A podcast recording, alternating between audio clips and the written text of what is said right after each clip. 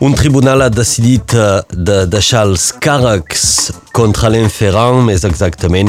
Donc, les acusacions de concussió és un nou pas en l'afer conegut com el dels càmpings.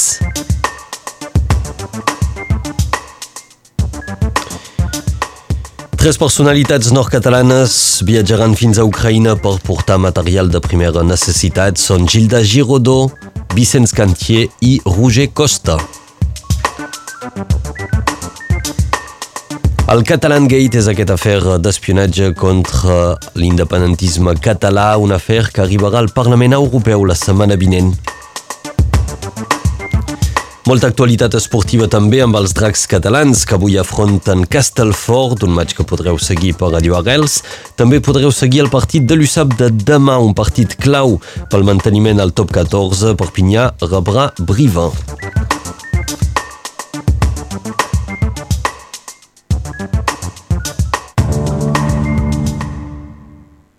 Nou capítol en l'afer dels càmpings contra el Valle del Barcarès. Alain Ferrand va ser arrestat al mes de maig de l'any passat i empresonat per haver imposat taxes il·legals a comerciants i gerents de càmpings.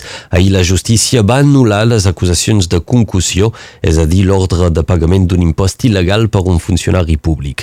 Aquesta decisió del Tribunal d'Apel·lació d'Eix de Provença satisfà la defensa d'Alain Ferrand perquè aquesta era una acusació central en aquest afer. El Valle del Barcarès encara haurà de respondre a les acusacions d'extorsió en banda organitzada, subordinació de testimonis o encara destrucció de proves. L'estació de Font Romeu Pirineu 2000 ha renovat la concessió a Altiservice per una durada de 25 anys.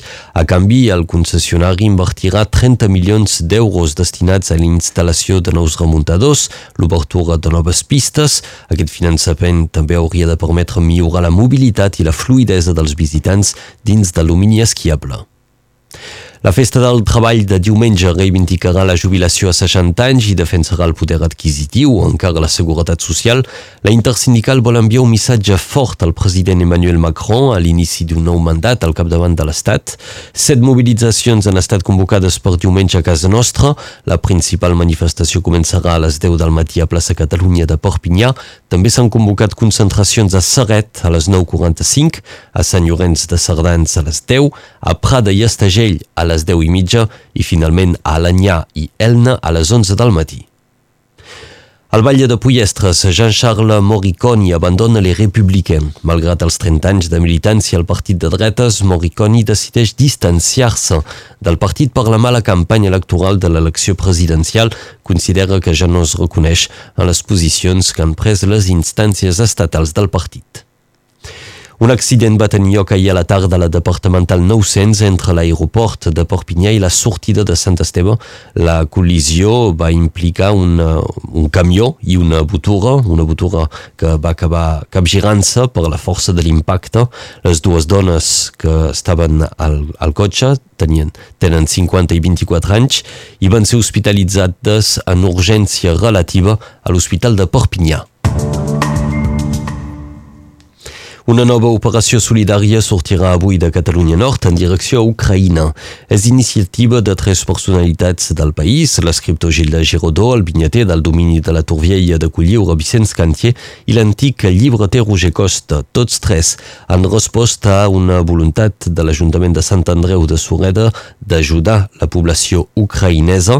Més explicacions amb en Roger Costa és una voluntat, sobretot política, d'anar i d'ajudar la gent que en una desforça total i doncs hi ha hagut una, una gana, si vols, del municipi de Sant Andreu de provar de portar coses ja a Ucraïna i sobretot que el municipi de Sant Andreu se va agemanat amb una ciutat allà d'Ucraïna que jo s'ha costat de, de Kiev i de Bustà, que és de Mishaevi, i doncs allà hi ha un contacte entre els balles i les, les gent que són allà a l'Ajuntament i doncs portem coses ben dedicades que ens han demanat, si vols, generadors d'electricitat, coses elèctriques, petites eines, vestits coberts i coses com això, i hem fet una crida civil a l'entorn de tota la gent que coneixem per poder ser ajudar i de portar les coses, i ha ben bé funcionat, i doncs hem agafat un cotxe deixat per a l'Ajuntament de Sant Andreu i com això marxarem, eh, farem en 4 o 5 dies, si vols anar i tornar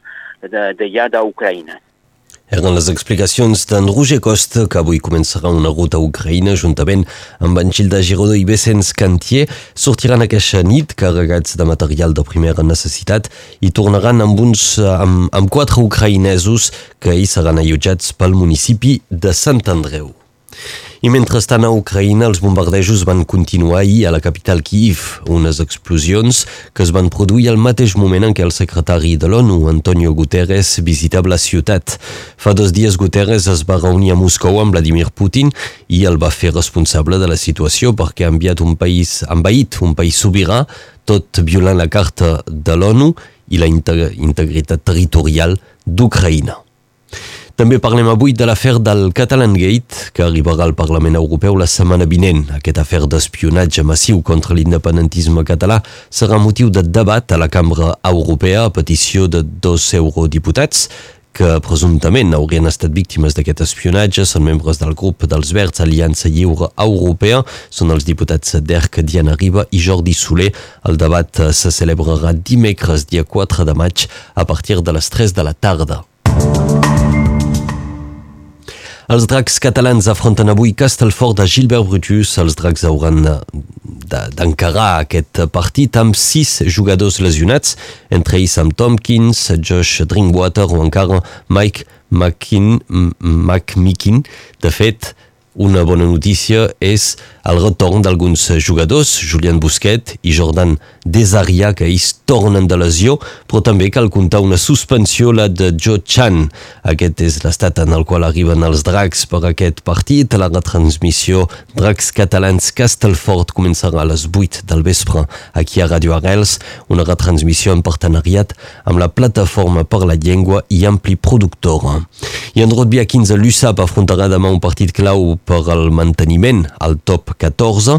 Perpinyà acollirà Briva i Megiral a partir de les 5 de la tarda. Com sempre, la retransmissió del partit començarà uns 20 minuts abans a l'antena de Radio Arrels. I Espanya no jugarà la Copa del Món de Rugby 2023. La classificació de la selecció espanyola de rugby va ser un esdeveniment, ja que no acostuma a participar a les grans competicions internacionals, però l'alegria haurà estat de curta durada. La selecció espanyola ha estat finalment expulsada del Mundial per haver fet jugar als partits de classificació un jugador nascut a Àfrica del Sud i convocat amb una falsificació del passaport. Serà doncs Romania qui ocuparà aquesta plaça classificatòria pel Mundial de Rugby de l'any vinent. I en futbol, el Barça jugarà a l'estadi olímpic Lluís Companys de Montjuïc durant la temporada 2023-2024. El canvi d'estadi es deu a les obres de renovació que es faran al Camp Nou, que començaran el mes de juny. La principal dificultat pel Futbol Club Barcelona serà de satisfer tots els seguidors. El Barça compta amb 83.500 abonats i l'estadi Lluís Companys només té una capacitat per a 56.000 espectadors.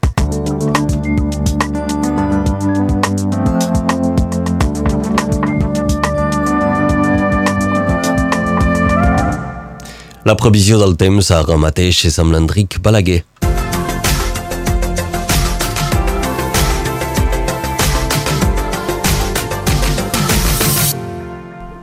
Ens aixequem amb un cel clar i luminós, però a la tarda es formen núvols que creixen durant el dia, fins a deixar escapar algunes gotes a cotes mitjanes. Aquesta evolució diurna crea un cel elèctric i pot haver curts temporals en altitud, pel que fa del vent, domina una fluixa tramuntana.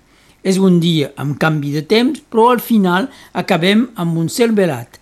Pugen un bri les temperatures màximes. 14 a la Llagona, 17 a Oceja, 18 a Ebol, 20 a Taurinyà, 23 a Vinçà i a Pontellà, 22 a Sant Andreu de Sureda, 23 als Banys, 19 a Serrallonga, 21 a Cervera, 23 a Sant Hipòlit i anem al Fenolledès, 24 a la Tor de França i 22 a Bellestà. Al Santuari de Meritxell, al Principat d'Andorra, 16 graus.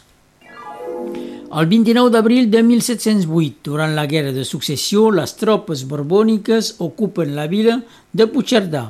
Fa 110 anys avui es crea el SOP, al Stadi Olímpic Perpinyanès. Aquest club de rugby guanyarà el mateix any el títol de campió del Llenguadoc de segona sèrie.